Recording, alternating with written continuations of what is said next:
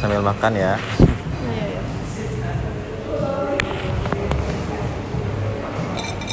So welcome to our podcast nih di Welcome to our podcast, podcast, podcast. It's a night in Ubud.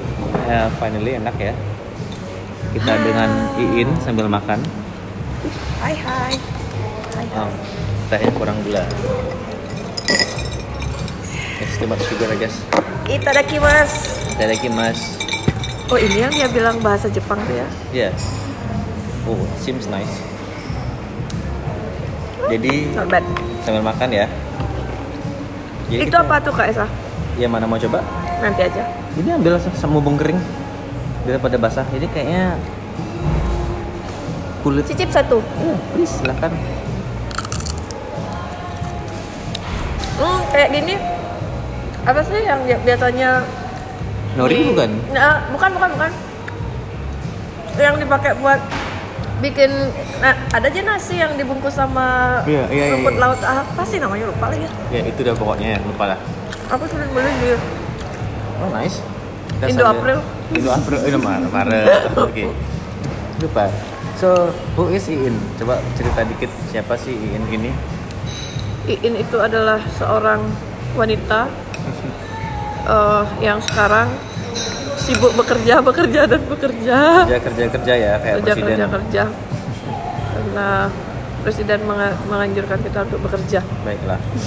So, Iin ini adalah the women behind Serayu Pot Bisa dibilang begitu. ya. So, hobinya Iin sebenarnya apa sih? Foto. Foto. Ya. Nah, foto. nothing is about pottery enggak? Bukan, karena itu baru-baru. Tapi itu yang sekarang membawa aku bisa berjalan sejauh ini. Basicku memang apa ya? eh, di itu yang menghidupi dan membuat aku sebesar sekarang Oh, nice. dari bapakku. Yang kemudian Mhm. turun ke aku mungkin. Oh, nice. What's the story behind behind Serayu? Hmm, Kenapa bisa jump into this business? Bisa diserayu. Ah, Bi- bisa akhirnya bisa aku bisa bikin Serayu akhirnya. Hmm. Akunya ke bapakku. Boleh sejarahnya mungkin? Oke. Kalau sejarahnya itu em, dulu gara-gara bom Bali. Hmm. Bom Bali yang kedua sih. 2003 apa 2005 sih itu? Apa 2001? Aku lupa. 2003 Pokoknya bom Bali yang terakhir kayaknya. Aha. itu benar-benar ngefek banget ke pariwisata. Ke kehidupan keluargaku. Aha. Jadi itu dulu bapakku pelukis. Habis itu gara-gara bom kan lukisan nggak laku tuh. Lukisan nggak laku, bapakku bingung. Itu benar-benar susah banget. Aku ngerasa waktu itu yang ada di ingatanku waktu itu tuh pernah ada satu momen ibuku, hmm, aku minta eh, lauk tuh waktu itu kalau nggak salah ke ibuku. Kan aku suka makan ati kan? Hmm, nanti. ati ayam ati ampela tuh. Ah. aku bilang sama ibuku aku lama aku nggak makan ati ampela boleh nggak eh, menunya hari ini ati ampela? Beli aja nggak bisa. Sumpah. Ibuku bilang nanti ya kalau punya uang. Gitu. It's like okay. sumpah. That feeling ya. ingat banget aku. Emang kenapa? Bapak belum jual lukisan padahal itu sudah setahun dari bom benar-benar mati total karena kan bapakku mengandalkan apa namanya eh, mata pencarian dulu emang mengandalkan pariwisata gitu loh jadi ya udah gara-gara bom Dulu tuh masih SD. Mm-mm, Ya. mm-mm. aku SD oh bener enak nih plat Nasi ya. Mm-mm. kemudian mungkin karena bapakku juga bingung makin ke sini tanggungan anak-anak makin mahal. Akhirnya em, bapak kemudian ngelihat peluangnya itu adalah ada orang yang oh dia dia sempat ke pasar di pasar itu eh, cuman satu ada orang yang jualan tentang jual jualan tentang eh, bahan-bahan terakota. Gerabah itu ya. gerabah itu dipakai buat upacara agama hmm, dari sana kemudian bapak mikir di pasar cuma ada satu nggak ada pilihan lain selain di tempat itu gitu loh akhirnya ya udah kita eh, bapak kemudian membeli di tempat lain dan di- ditaruh di rumah kita jualan itu Waktu itu belum diwarna ya? Atau sudah diwarna? belum Belum. Mm-mm. sama sekali nggak diwarna kemudian karena ditaruh bapak juga mikirnya adalah kalau misalnya kamu jualan kamu cuma masang satu barang orang nggak tertarik beli Ah, nggak iya. ada nggak ada pilihan kayaknya kemudian bapak belinya lumayan banyak tuh Itu beli atau kerja sama waktu itu? beli dari orang Gila ya banyak ya. beli dari orang jadi istilahnya kita itu re- reseller ya Heeh. reseller ya jatuhnya beli dari orang kemudian karena lahan juga waktu itu nggak ada galeri lukisannya bapak kemudian lukisannya semuanya di ditaruh di gudang padahal kalau misalnya dijual itu mahal-mahal semua lukisannya ditaruh di gudang Eh, tempat galeri lukisannya kemudian diubah buat ibu jualan kelontong Hmm. Yang di bawah. Mm-mm, yang di bawah. Ibu jualan padahal itu dulu galeri lukisan itu. Ibu jualan kelontong sekalian bapak jualan gerabah ini gitu. Di situ makin banyak karena mungkin karena pilihannya di Ubud dikit ya orang yang ngejual eh, si terakota ini makin lama bapak makin makin banyak tuh yang pesan ditaruhlah depan rumah dengan eh, pemikiran kenapa berani ditaruh di depan rumah dan nggak dimasukin ke dalam karena itu kan untuk upacara agama Hmm. jadi orang nggak bakalan mungkin nyolong gitu loh Takut nyolong juga ya. Mm-mm. Petulah, kerauhan, taruh. Mm-mm. Jadi kayak takut nyolong gitu makanya sampai sekarang berani aja ditaruh depan rumah Tapi akhirnya poinnya sekarang menjadi semenarik itu, itu gimana ceritanya? Nah, makin lama makin banyak orang yang beli. Mungkin bapakku kangen kali yang ngelukis. Karena dia emang basicnya seniman. Dari kemarin-kemarin kan bingung nyari uang ya. Sekarang hobinya dia nggak jalan. Nah, ngeliat itu dilukis dah sama dia. Dilukis sama bapak pot-potannya.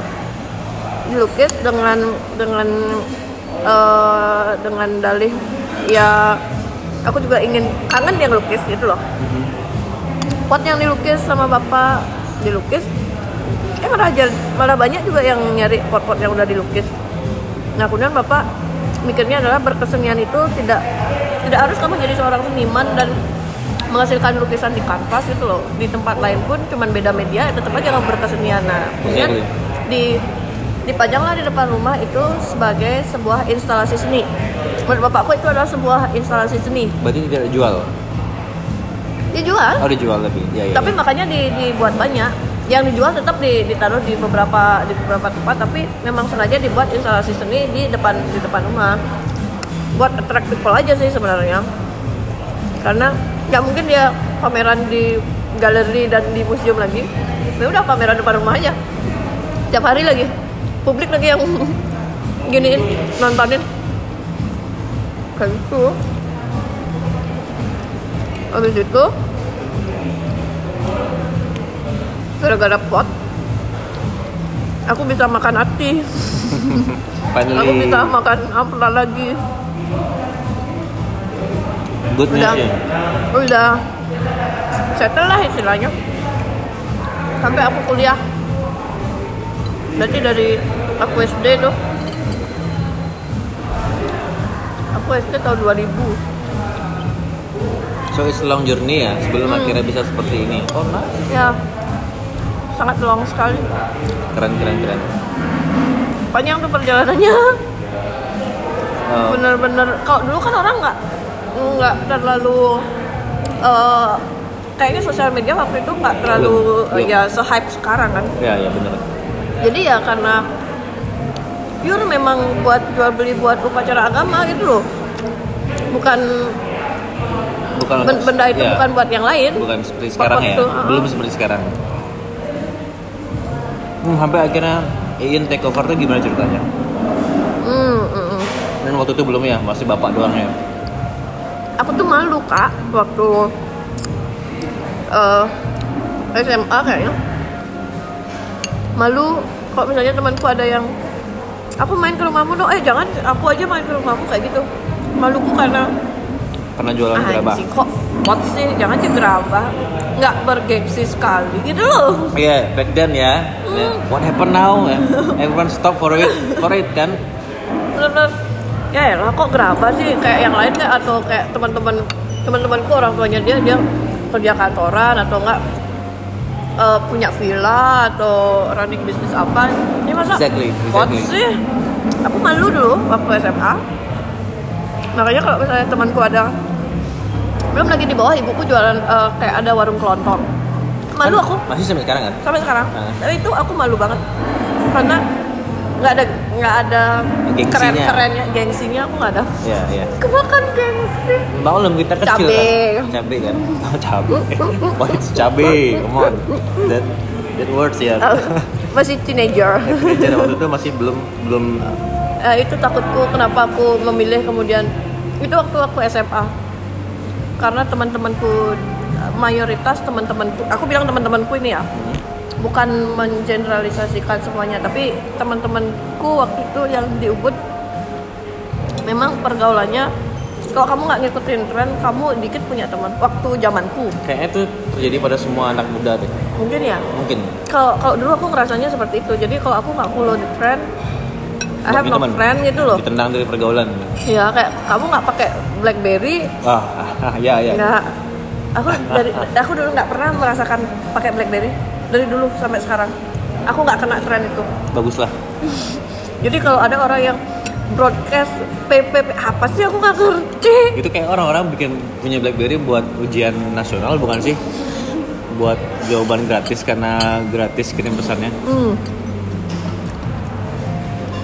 kayak gitu aku malu dulu cuman pas aku kuliah eh, itu aku mulai sedikit sadar kalau kayak tanpa pot-potan ini nggak bisa nggak kamu di Jawa sekarang? Nggak bisa kuliah ya. nggak bisa nggak kamu di Jawa tanpa pot-potan ini? It- itu loh halal gitu loh. Sana habis itu aku mikirnya sampai akhirnya ya eh, seiring berjalannya waktu waktu itu kan aku kuliah di Jogja. Mhm. udah mulai tuh sosial media mulai Facebook dan segala macam bule-bule itu pada eh, ngambil gambar di depan rumahku Kaget, bule kaget nggak? foto, aku waktu itu aku nggak kaget karena menurutku eh, tiap hari ini ru- rumahku dan tiap hari aku melihat ini nggak ada keren-kerennya nggak ada seni-seninya kan mungkin karena aku stay di sana Bener. Itu terjadi kalau kita nggak pernah keluar rumah. itu kalau misalnya aku melihat eh, point of view-nya adalah aku stay di sana kan sekarang harus merubah point of view-nya dari adalah orang yang tumben dari itu mereka langsung wah ini keren banget keren banget. Kayak gitu bule lagi. Nah dari sana kemudian jadi boom si Serayu ini. Hmm. Namanya belum Serayu kan? Serayu? Oh udah Serayu. dari awal Serayu. Ah. filosofinya adalah Serayu. Kenapa dikasih nama Serayu? Karena bapakku bukan religius tapi dia eh, mempelajari agama. Tapi dia nggak terlalu nggak artinya nggak religius kayak kayak jadi pemangku atau apa enggak dia mempelajari itu dan dia senang tentang India tapi kita tidak menganut eh, ajaran-ajaran yang Ya. kayak gitu di India itu ada nama sungai Sera- Seraya kalau nggak salah temannya sungai Gangga Hmm. nama Serayu diambil dari sungai ini Hmm. yang artinya mengalir itu dari awal tuh Dari Filosofinya awal. bagus sekali. Aku pikir kayak Serayu itu ya, diambil dari kata rahayu. Mirip kan? Serayu rahayu. Tapi pada pada Nggak, dari dari nama sungai tapi itu pada basicnya artinya hampir sama kan? Mengalir. mengalir aja kayak Iya. gitu kemudian kuliah eh, lulus aku kuliah ini udah mulai naik nih Serayu Aha. Itu tahun 2000. 2016 Oh, iya. dari 2014 tuh udah naik Serayu artinya orang-orang ngambil gambar dan segala macam. Kemudian aku buatkan dia akun sosial media karena bapakku kan nggak ngerti masalah kayak gituan ya. Hmm. aku kayak mematenkan nama. Biar nanti kalau orang lain yang pakai itu di sosial media gitu loh Mhm. aku ambil aja langsung namanya. Habis itu dari sana aku cuman nge-repost nge-repost foto orang-orang yang rumah kebetulan di rumahku. Aku udah mulai Claire rumah Cang nih udah mulai kayak gitu. Padahal sebelumnya aku malu. Sekarang aku udah mulai yang nggak kau good kamu namanya kalau nggak fotoan di rumah aku gitu. Bener bener. Kayak gitu aku sekarang. Habis itu aku buatkan sosial media. Kebersit sempat terbersit aku pengen bikin kelas. Ah. Kelas kelas bikin potnya. Cuman kan bapakku emang basicnya dia nggak bisa bikin pot ya. Mhm. Aku yang harus belajar. Nah waktu itu aku lulus kuliah itu eh, aku bilang sama bapakku ini biar tak take over aja Stayu aku yang ngurusin tak buatin kelas dan segala macam. Baru aku dibeliin alat sama bapakku. Waktu itu alatnya masih tradisional. Sekarang dibeliin alat bulan depannya udah aku tinggal. Aku tinggal kerja ke Labuan Bajo. Jadi bapakku mikirnya ala ini angkat-angkat tai ayam doang sih ini. Nggak ada serius-seriusnya sama sekali sampai akhirnya setelah aku tinggal eh, merantau ke mana-mana kemarin terakhir corona. Ya covid 2020 ya? Itu 20 apa 19 ya? 2020 ya? Maret. Hafal. Kepal karena aku lockdown tiga bulan di rumah. Keluar keluar Kenapa? rutin. Aku nggak keluar rumah tiga bulan. Parno nggak karena ikutin peraturan aja. Taat taat taat, taat. Nah corona tuh aku nggak tahu mau ngapain. Aku iseng waktu itu. Berarti stuck di Bali juga waktu aku stuck di Bali. Nggak bisa aku ke mana-mana. Artinya ke Labuan Bajo pun percuma. Ngapain aku ke sana? Orang nggak ada tamu. Ya, ya, ya. aku nggak bisa kerja di sana. Kalau di rumah kan mending makan udah ada yang nanggung. Hmm. habis itu eh, kan orang-orang waktu itu udah mulai banyak tuh fotoan di tempatku. Aha. ada beberapa orang yang ketika dia fotoan eh, pot-potannya itu disenggol kemudian pecah yang kayak kayak gitu banyak banget kan. Nah ada beberapa yang masih agak bagus yang pecah-pecah itu aku buatkan konten. Oh, aku masih punya fotonya ntar tak tunjukin. Itu aku bikinin konten dari hasil pecahan ini kita bisa eh, tetap bisa berkebun kayak gitulah intinya. Oh, nice. aku di rumah kan emang ibu senang berkebun. Tak ambil tanamannya tak buatin konten di pot-pot yang pecah itu. Aku posting di Twitter karena aku malu posting di Facebook dan Oke. Instagram. Aku posting di Twitter. Teman-temanku yang di Ubud kalau ada yang mau pot pecah tapi ada tanamannya bisa datang ke tempatku. Yang share banyak banget. Karena pada saat awal-awal covid bercocok tanam itu sedang in. Sedang hype. Mungkin karena orang-orang bingung ya mau ngapain di rumah nggak dikasih nggak dikasih ke mana-mana Iya, sama pemerintah.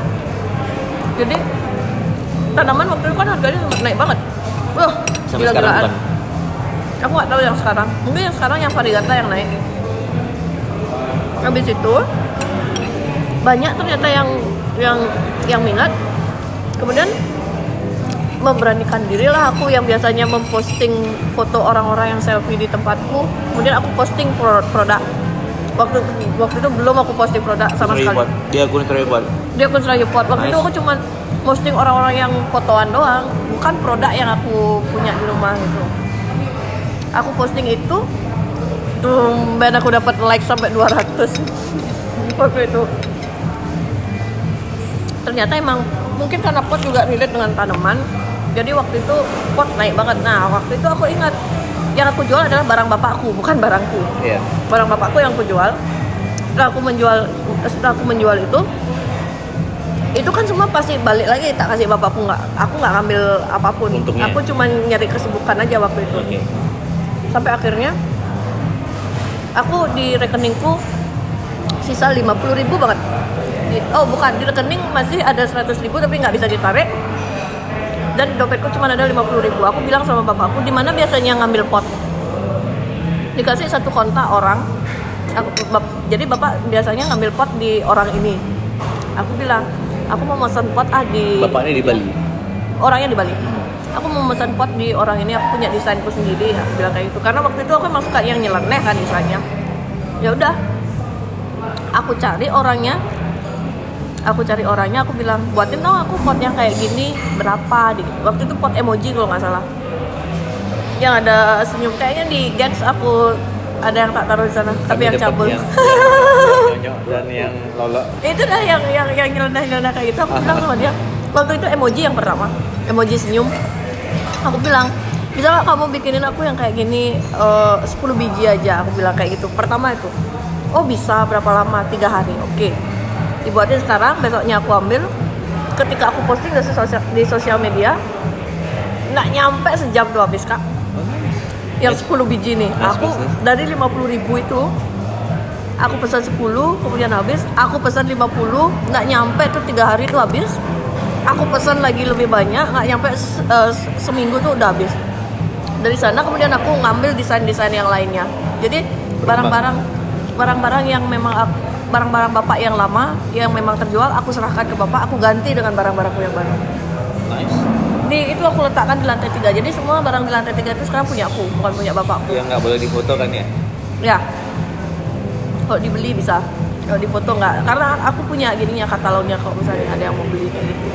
Jadi semua barang bapak. Ya udah punya bapak. Barangku punya aku sekarang dengan modal segitu aku muter tuh segitu sampai akhirnya di eh, pertengahan pertengahan tahun. Iya. Pertengahan tahun aku kepikiran karena sorry aku agak loncat dikit. Awal mula bapakku eh, ketika aku berhasil menjual 10 ini aku bilang sama bapakku udah serayu aku take, take over ke aku. Bilang kayak gitu. Bapakku bilang tuh bapakku bilang apa? Ya Allah paling sebulan aja. Nah ini nih yang susah. Ini yang susah nih. Mau membuktikan eh, hal yang sudah pernah aku langgar tuh susah. Udah kayak kalau di Bali mungkin bisa dibilang udah ter- terlanjur cerai pamor gitu loh. Iya iya iya kamu juga dulu mengatakan hal yang sama tapi kemudian kamu tinggalkan. Sekarang kamu mengatakan hal yang sama tidak ada jaminan kamu tidak akan meninggalkan ini lagi gitu itu pembuktianku yang paling susah. Benar-benar membuktikan bahwa nah aku serius nih. Kayak gitu loh. Itu yang aku buktikan sampai sekarang. Sekarang bapakku udah yang anak saya tuh yang punya. Itu ketika mendengar dia ngomong gitu ke temannya tuh aku merasa "Hmm, akhirnya diakui. Berarti aku berhasil gitu loh. Iya iya iya. Aku berhasil membuktikan bahwa omonganku bukan sekedar omongan gitu sampai di pertengahan eh, covid kan aku aku aku tuh paling nggak bisa diam kak. Jadi kalau misalnya diam seminggu tuh kayak kayak kayak nggak guna sekali hidupmu kalau kamu Iya. diam gitu loh. Ya stres juga kan jadi. Mm, ya benar-benar aku nggak bisa diam orangnya. Ap- apa kayak kerjain entah kamu motret atau ngapain gitu loh. Kalau disuruh kamu diam nggak melakukan apa-apa tuh kayak aku ngerasa pressure karena udah sarjana diam nggak produktif sekali. Kayak, kayak merasa nggak nggak apa nggak guna guna banget ya. benar-benar nggak guna. Aku juga ngeliat orang juga sekarang kayak gitu makanya kalau aku ketemu orang sekarang ngapain aja? Diam aja. Bentar konsep diammu itu gimana gitu loh. Kayak cuman diam di rumah tiduran main HP sampai kapan kamu akan bisa melakukan hidup seperti itu seenak itu gitu loh? Iya iya iya. Iya kan? Coba deh kamu ngapain? Ya diam aja di rumah. Se sebentar. Diam aja tuh gimana? Gitu loh. Dia satpam kayak gitu. Kamu penunggu karang ya gitu. Habis itu pertengahan tahun itu aku berpikiran aku nggak tahu nih covid ini bakalan eh, sebentar atau lama. Karena tidak ada yang memberikan kita kepastian tentang hal itu. Bahkan Iya. pemerintah pun nggak nggak pasti. Aku mikirnya kalau misalnya udah nggak covid lagi potmu ini bakal turun penjualan potmu ini bakal turun orang akan kembali menjalani kehidupan mereka yang normal mereka udah nggak ada lagi waktu untuk berkebun seperti awal-awal ketika apa namanya terjadi ter- pandemi ya? terjadi pandemi disuruh diam di rumah gitu loh. Jadi aku mungkin istilahnya adalah ketika aku menutup satu pintu, at least aku bisa bi- membuka pintu lainnya. Jadi ketika potnya ini turun, aku harus punya pekerjaan cadangan lain apa nih lagi yang bisa aku jadikan peganganku gitu loh. Iya, Karena aku tidak aku tidak munafik mengatakan bahwa ini ini adalah batu loncatanku. Ini batu loncatan batu loncatanku banget. Kalau nggak ada pandemi ini aku nggak akan segede ini gitu loh. Aku mikirnya kayak gitu sih. Jujur nggak ada pandemi ini nggak bisa. Nggak aku bikin kelas bikin jual pot sampai sekarang ini nggak bisa. Makanya kalau misalnya ada yang bilang kapan pandemi ini berakhir? Aku kayak terima kasih pandemi Iya, sebab mindset kan ya. Sebab mindset. Iya. Mungkin banyak lapangan pekerjaan lainnya selain pot yang tercipta ketika pandemi gitu loh. Banyak, banyak banget Mungkin loh. sebenarnya. Banyak peluang. Di saat semua orang lagi break itu peluang ada. Tergantung bagaimana kita melihat peluang tersebut. Itu kan. Kamu bisa ngambil peluangnya apa enggak? Yes. Kayak gitu. jadi ketika orang belum jahat sih lah nggak jahat sih cuman ya ya udah sampai akhirnya ketika si pot ini tutup paling nggak aku bisa membuka pekerjaan lainnya. Akhirnya Iya. aku bikin kelas kelas mewarnai. Yang aku kenapa aku bergerak di kelas mewarnai? Karena aku menyasar orang-orang yang liburan ke Bali mhm, keluarga terutama. Yang ngajak anak kecil. Mereka tuh kalau ke Bali ngajak anak kecil anak kecil belum ngerti esensinya no, diajak nongkrong tuh seperti apa? Mereka tuh masih pengen main. Iya benar-benar aktif ya? Mereka pasti pengen main. Jadi ya udah. Eh, mewarnai untuk anak kecil itu aku rasa itu adalah salah satu solusi. Yang sangat cerdas. At least away from gadget gitu loh. Away from gadget juga melatih kreativitas juga Hmm. sekalian berkembang kan Coba kalau tanya jadi seniman di in the future siapa inspirasinya? Serayu. Bisa.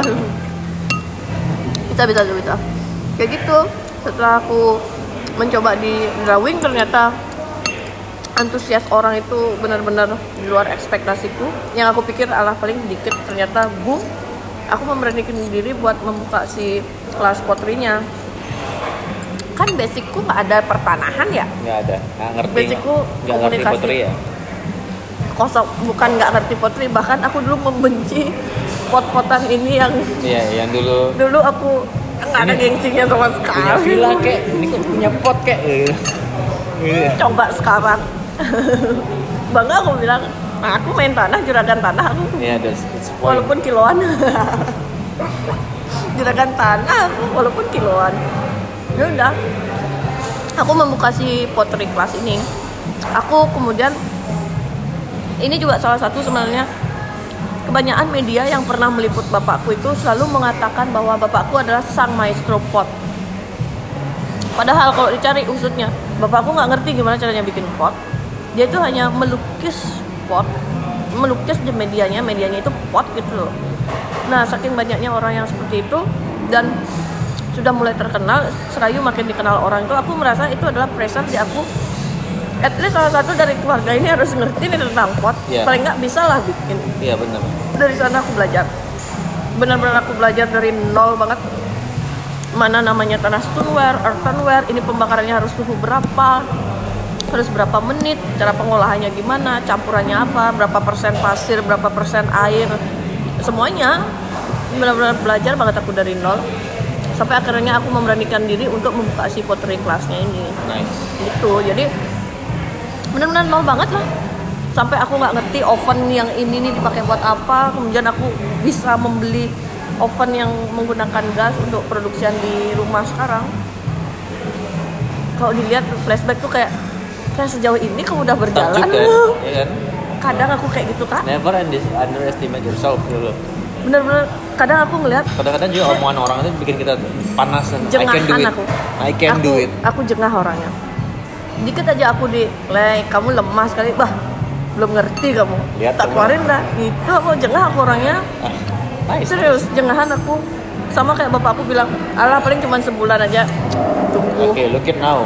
Sekarang Oh, gimana? nah, nah, nah. Bapakku sempat bilang kayak gini dulu. Waktu aku bilang aku akan buka eh, kelas pottery karena drawing ini udah lumayan banyak nih orang yang kenal dan artinya bookingan udah udah lumayan full tuh aku bilang sama bapakku aku pengen bikin kelas pottery deh aku bilang kayak gitu kan mau belajar dari nol bapakku bilang satu omongan bapakku yang sampai sekarang ku ingat adalah kamu itu basicnya bukan dari pot kamu nggak ada basic pot sama sekali historimu juga nggak ada dari sana beda kayak pematung tuh mungkin ada kakeknya yang pematung kemudian dia bisa matung Nah, iya. kamu tuh sama sekali nggak ada kamu nggak bakalan bisa berkembang Ya. berkembang gede Iya, iya, iya. itu Paham. omongan bapakku Ya, it's the logic now terpatahkan kan? tak patahin sekarang bener-bener Iya. Bapak tuh mau aku bikin yang bentuk apa? Aku bisa bilang gitu sekarang. I am the first one in the family gitu kan. bener-bener langsung tak tak gituin aku jengah orangnya. Sekali aku digituin sama bapakku wah tunggu. Oleh semua orang ya, bukan bapak aja ya, kali ya. tapi waktu itu karena mungkin bapakku Karena orang bapak terdekat betul. gitu loh. Nah, jengah banget. Iya, it's nice, nice. langsung deh tak gituin dia waktu itu aku di, di dapur diajak ngomong kayak gitu Sampai- jangan berekspektasi terlalu tinggi karena basicmu bukan dari pot dia No. bilang kayak gitu No, kan? Everyone Wah. can do it, ya kan? Even women. Oke. sekarang tuh bapakku sampai kayak yang bikinin eh, eh, nyari nah staff lagi kayaknya kewalahan kamu lah Itu uh, bahasa bahasa lain dari bapak bilang I love you gitu loh. buat nih parkir di bawah lah ngapain buat parkir ya gedein kelasnya lah aku langsung yang Itu- tadi bilangin aku di jengah Itu kalau translate jadi uh, I'm proud of you gitu loh. sampai akhirnya ya kayak sekarang. Jadi di rumah sekarang ya yang megang kendali untuk saat ini aku. Dan bapakku juga sudah sekeluarga udah memberikan memberikan apa ya Restu. me- memberikan mandat itu ke aku. Jadi masalah selayu langsung ngomong sama Iin udah langsung kayak gitu sekarang bisa saya ambil Oh bisa silakan. ya, ya. enak Terima kasih ya. ya. Mana makannya? Ya, terima kasih. Terima kasih. Ya, nah, itu. setelah uh, roller coaster ride dari dari zero sampai selalu bisa seperti sekarang itu, Ian love it or hate it? love it Love it. aku senang karena ketika aku ada di fase ini banyak banget pelajaran yang bisa aku ambil dari gimana caranya aku nggak punya staff sekarang punya staff aku harus tahu gimana caranya menjadi seorang pemimpin belajar jadi orang pemimpin kayak gitu loh Seperti Banyak banget. kita kemarin kan. jadi benar-benar ketika aku belum siap di fase itu aku dipaksa untuk siap have beneran kak kayak misalnya aku punya staff nih otomatis kamu harus menghidupi mereka nih nggak bisa kamu mentingin ibamu sendiri kayak Komitmen, berapapun kan? Berapapun penghasilanmu itu bukan 100% penghasilanmu kamu harus membayar orang-orang ini. Iya, benar. kamu harus belajar memanage uang. Gimana caranya jadi pemimpin yang baik? Semuanya di- tipe tipe pemimpin seperti apa kamu sebenarnya? Kan ada yang kekeluargaan ada yang militer. Mana yang baik buat perusahaan mana yang jelek gitu loh. Belajar banyak banget aku. Lebih ke belajar manajemen sih kayaknya ini. Bagus. manajemen uang. Itu dah manajemen ngatur perusahaan. Berarti sekarang sudah trust untuk handling yang tadi nggak percayaan gitu Hmm. to Iya. do it. Udah akhirnya. iya sekarang udah Nice. makanya aku lagi open recruitment tuh karena aku udah mulai mempercayakan oh kamu udah cager nih di bidang ini Nah, bagus kan. kamu ini buat yang putri kamu udah bisa nih tak tinggal Berarti sekarang udah nggak balas pesan jam 2 jam 2 jam 2 pagi kan? Udah nggak lagi kan? udah nggak mulai teratur tidurku Oke, itu udah sudah. semenjak mata baru aku teratur hidupku Tadi kapan ke Pothead? Kemarin ya? apanya Uh, pengirim barang ke Pothead? iya kemarin aku ke Kemarin ya? Potato Head Oh iya, iya, iya. kemarin ke Potato Head dua kali aku ke Potato Head Karena banyak ya dia repeat yang kemarin tuh yang gede-gede habis itu sempat ada yang kecil-kecil nah yang kecil-kecil itu aku yang ngirim kalau yang gede-gede pas aku di Jakarta kemarin staffku yang ma- ke sana Ye. Dia kayaknya re- reopening apa gimana gitu aku Iya, iya, ngerti lagi lagi reopening ya Iya. Heeh. Nice, nice. In the future, wha- what's hopes-nya dari in? Eh, mungkin as the business or everything.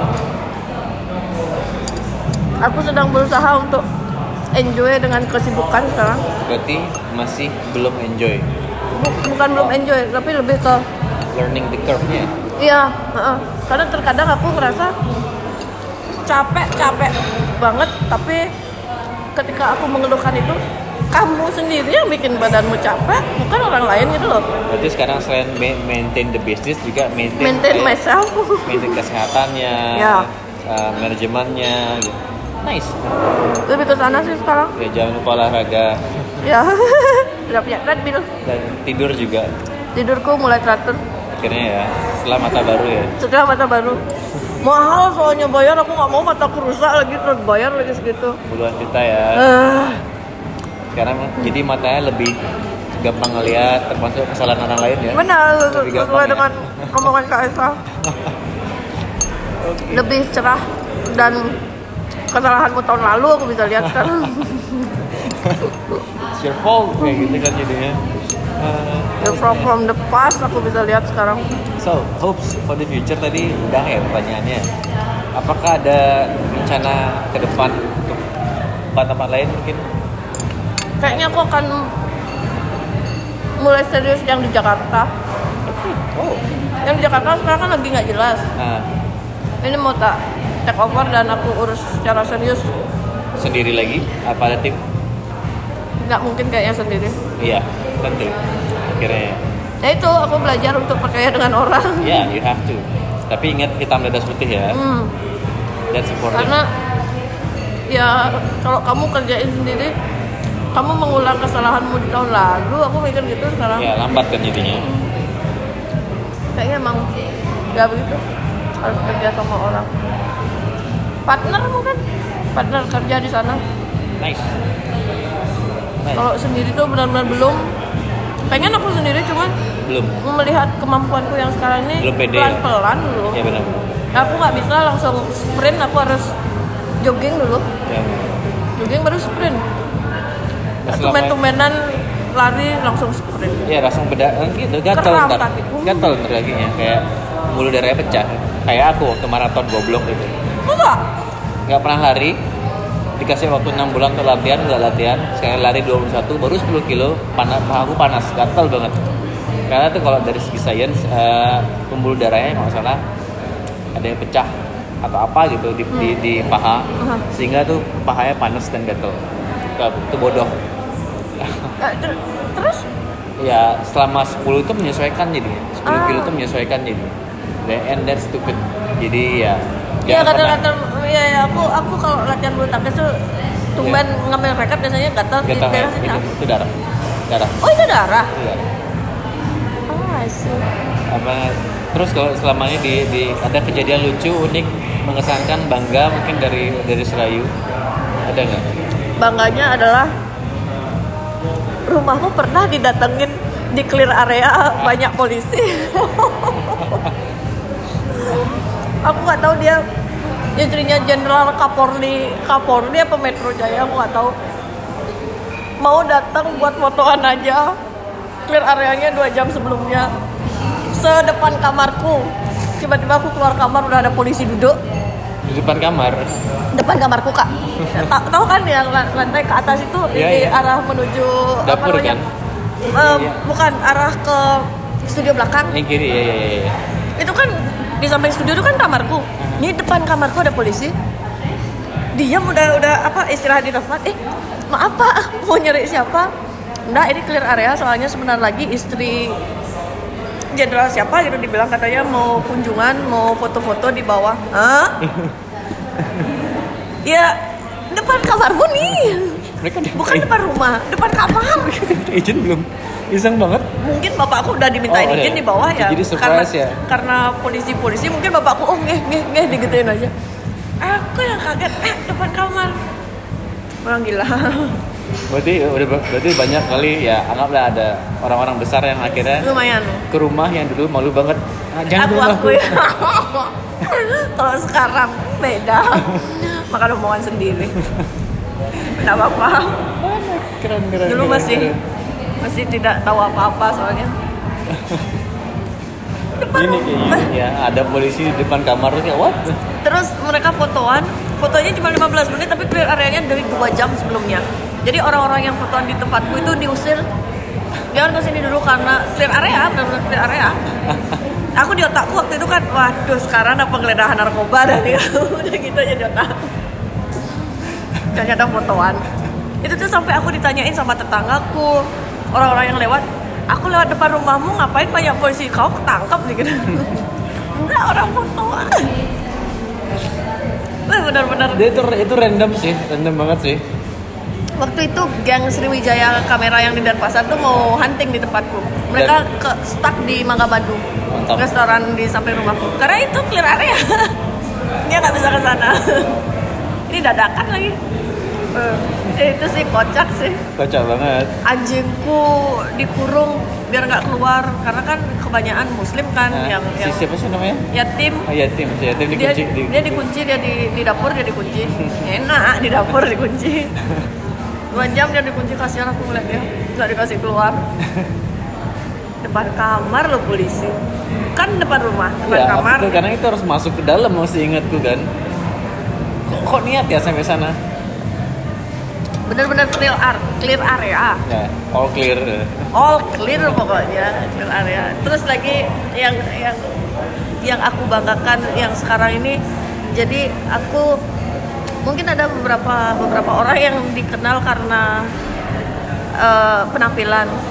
Aku lebih bangga dikenal karena aku memiliki skill. Nice. Aku kalau aku sangat bangga kalau misalnya orang kenal aku, oh Iin yang bikin pot. Kayak gitu, aku bangga banget aku. Aku lebih bangga kayak gitu daripada oh Iin yang pakai kacamata kotak satu bulan satu. Enggak. Mending aku dikenal karena oh Iin yang bikin gini. Jadi itu adalah skillku yang mereka kenal, Ya. bukan penampilan, Ya, bukan prestasi. Itu aku bangga sih di Sudah sana. mark achievement in your life gitu. Iin dengan potnya. Nah, Udah. udah, oh Iin pot. Oh, berarti mereka udah, oh Ya. berarti aku si pembuat pot gitu sekarang. Udah itu prestasi. oh Iin yang cantik itu enggak, oh Iin yang jelek itu enggak. Nothing to be ashamed. ya kan? Hmm, nggak ada, itu cuman kebetulan aja gitu. Iya. Kalau skill kan karena kamu memang mengasah itu, kamu belajar. Mas, keren, keren, keren. Nah, kalau dari kayaknya cerita tadi itu udah sangat singkat, padat, Dan- dengan benar-benar apa ya, menginspire orang ya semoga untuk orang-orang lebih banyak belajar dari prosesnya kita ya. Jangan pernah malu. Ja- Jadi kamu bisa Ih terbaik apa nih? Apa ini? Kombucha. Oh, Oh. terima kasih. Sukses. Terima kasih. Terbaik sih. Kita dapat kombucha dari vlog teman-teman. Temannya temanku. Berarti temanku juga. Oh, nice. Enak. Oh, silakan. Makasih ya. terima Ya, kasih. sama-sama. Oh sorry, aku nitip. Ya, boleh. Ya. Ya, ya. Ya. Terima kasih. Terima kasih. Dan Pokoknya jangan pernah malu. Benar. Kamu bisa belajar dari pengalaman Orang, benar. atau benar. pengalaman orang lain. Kok kamu baik sekali Terima sih? kasih. Gak apa-apa. Pulang. soalnya. Oh, Baik. terima kasih. Baik. Ini apa? Cheese? Eh, coklat cookies. Oh, nah, apa kayak biskuit kering gitu. Coklat Nice. cuci, olive oil. Sampai Wah. jam berapa kamu kerja? Bapak ngebul terus Semangat. kerja pakai kuda. Oh, Oh, ini? Enggak. enak? Ini. Lanjut dulu ya. Oh, Thank you. Kan? Jadi itu intermezzo ya, kita dapat makanan dan minuman dari vlog. Terima kasih vlog. Ya gitu maksudku. Kamu bisa belajar dari aku. Berarti kalau udah tahu seperti ini, ngapain kamu harus malu di awal? Selama itu halal dan tidak merugikan orang lain. Benar, benar, benar. Nggak usah kamu malu. Mungkin karena kita eh, sebagai mungkin Jangan nurutin gengsi nih. Nah, itu dia mungkin karena kita nggak diajarin dari dulu kan kita nggak Ya. punya patron Iya, patron untuk untuk nggak malu gitu which is nice kan jadi Tapi lingkungan juga berpengaruh banget ya kak. Benar, benar. menurutku iya kan lingkunganku seperti itu ya baik-baik bawa diri aja jadinya. iya setuju setuju Kalau enggak mungkin aku bakalan tetap merengek dengan buat ya villa satu pak. Karena bapakku nggak punya tanah gitu loh. dari Kenapa Serayu harus- nanti akan punya banyak kenapa, villa Kenapa harus pot? Kenapa nggak villa? Mungkin gitu aku nanti kehidupanku. Bot, Oh, is, bot itu kayaknya lebih isi untuk di maintain instead of villa yang kita harus menjual, lagi, maintain. hmm, satu lagi yang aku lupa, bapakku nggak pernah mengizinkan aku untuk kuliah yang ada hubungannya sama pariwisata. Ya. Karena sangat gampang mematikan pariwisata. Dia Ya. melarang aku tuh Aku buat dengan, dengan ini orang-orang mulai sadar ya, I mean untuk menggali skill softnya, soft skillnya, melihat lingkungannya supaya tidak bergantung pada sesuatu yang sangat fragile. Ya gampang banget mematikan pariwisata. Ah, Paling bagus tuh bertani sebenarnya men. aku pengen bertani. Serius. Aku juga. Aku serius. Ini aku lagi nabung beli tanah di Tegalalang. Aku mau bertani aja, menghabiskan masa tuaku berkebun. Gak punya uang ya udah tinggal ke kebun. Bener. Udah enak banget kok. Ketahanan pangan ya. Hmm. Kamu hidup ngapain kan? Kamu nyari uang buat makan kan? Ya. Ya udah mending kamu menciptakan Ini ntar Selayu kamu Garden. pelihara. Selayu Garden in the, in the making ya. Sayu farm. Selayu Farm benar-benar. Jadi kalau dari sendiri ada pesan nggak selain selain ke teman-teman kayak jangan malu atau apa? Jangan pokoknya jangan malu, jangan gengsi. Sih eh, akhirnya ada mau pesan teh atau kopi mungkin sudah Sudah. ya Full. Akhirnya kita mau tutup untuk Terima kasih. Baik terima kasih. Mantap. Intermezzo lagi. This is nice. Oke. Pokoknya jangan pernah malu dan jangan gengsi. jangan pernah kamu kemakan gengsi kalau kamu ngikutin gengsi kamu tidak akan pernah berkembang dan selalu tidak akan merasa cukup kalau misalnya makan gengsi itu wah siap-siap racun dah kamu Apakah ya? Satu lagi.